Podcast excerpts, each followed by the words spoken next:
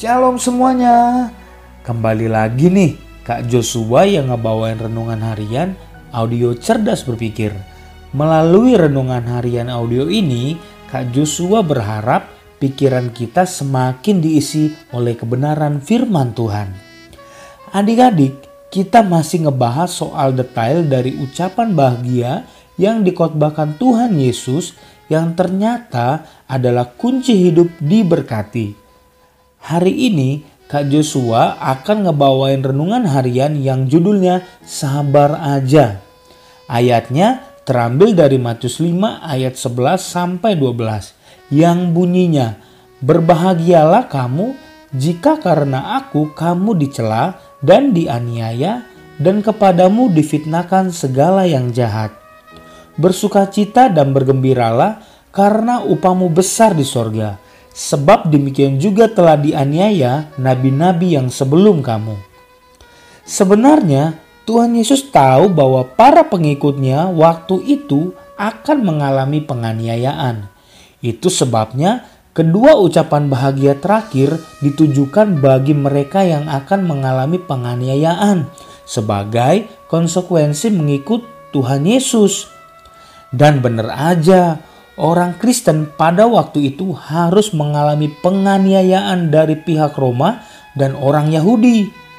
Kita ambil aja contohnya dari pihak Roma. Dari pihak Roma, orang Kristen dianggap sebagai pemberontak karena menyebut Tuhan Yesus Tuhan. Itu adalah gelar bagi kaisar. Akibatnya, mereka mengalami banyak fitnahan dari mulai dituduh melakukan kanibalisme, perkumpulan tanpa izin, dan lain sebagainya. Hingga pada tahun 64, Kaisar Nero membakar kota Roma demi kepentingannya dan menuduh orang Kristen sebagai pelakunya. Akibatnya, beberapa di antara mereka dihukum mati dengan dipenggal, disalib, dibakar, dan apinya dijadikan penerangan jalan. Beberapa lagi ada yang diadu dengan binatang buas. Orang Kristen di Roma juga tidak mendapatkan hak kewarganegaraan. Jadi mereka tidak mendapatkan pembelaan hukum pada saat itu. Eits, jangan sedih dulu. Sekarang orang Kristen di hampir semua tempat tidak lagi mengalami penganiayaan kecuali di tempat-tempat tertentu nilai-nilai kemanusiaan sudah dijunjung tinggi. Ditambah sudah ada hukum yang mengatur kebebasan memeluk agama dan keyakinan. Tapi bukan berarti orang Kristen tidak hidup tanpa konsekuensi yang harus ditanggung. Ketika kita mempertahankan nilai-nilai kebenaran, itu pun harus penuh dengan resiko. Misalnya, kita tidak mencontek di tengah-tengah teman yang mencontek Nanti kita dibilang sok suci lah, dijauhin beberapa teman karena dibilang pelit lah, dan lain sebagainya.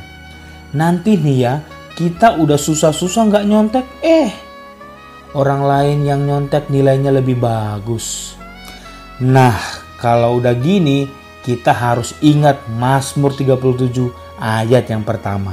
Yang bunyinya, dari Daud Jangan marah karena orang yang berbuat jahat. Jangan iri hati kepada orang yang berbuat curang.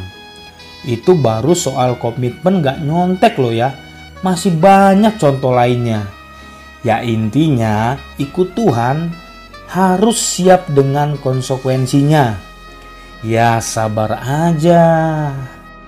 Memang sih kita nggak mengalami penganiayaan kayak yang tadi Kak Joshua jelasin tapi kita tetap harus sabar menerima konsekuensi sebagai orang Kristen.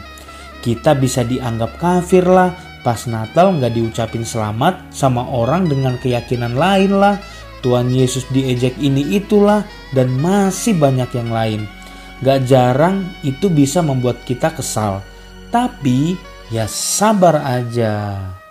Paulus pernah bilang gini dalam 1 Petrus 4 ayat 16. Tetapi jika ia menderita sebagai orang Kristen, maka janganlah ia malu, melainkan hendaklah ia memuliakan Allah dalam nama Kristus itu.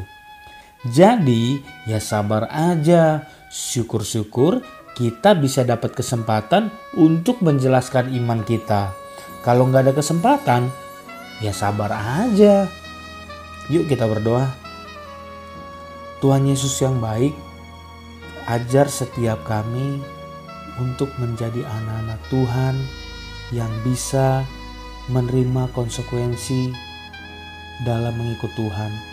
Kami mau berpendirian teguh menjadi anak-anak Tuhan yang tetap kuat, yang tetap sabar menjalani setiap proses yang daripada Tuhan. Karena kami percaya, sekalipun kami masih muda, Tuhan memakai kami menjadi alat-alat Tuhan. Terima kasih Tuhan Yesus yang baik. Berkati kami hari ini menjadi pelaku-pelaku firman Tuhan. Haleluya. Amin. Oke, tetap sehat, tetap semangat, tetap jadi berkat. Tuhan Yesus memberkati. Dadah.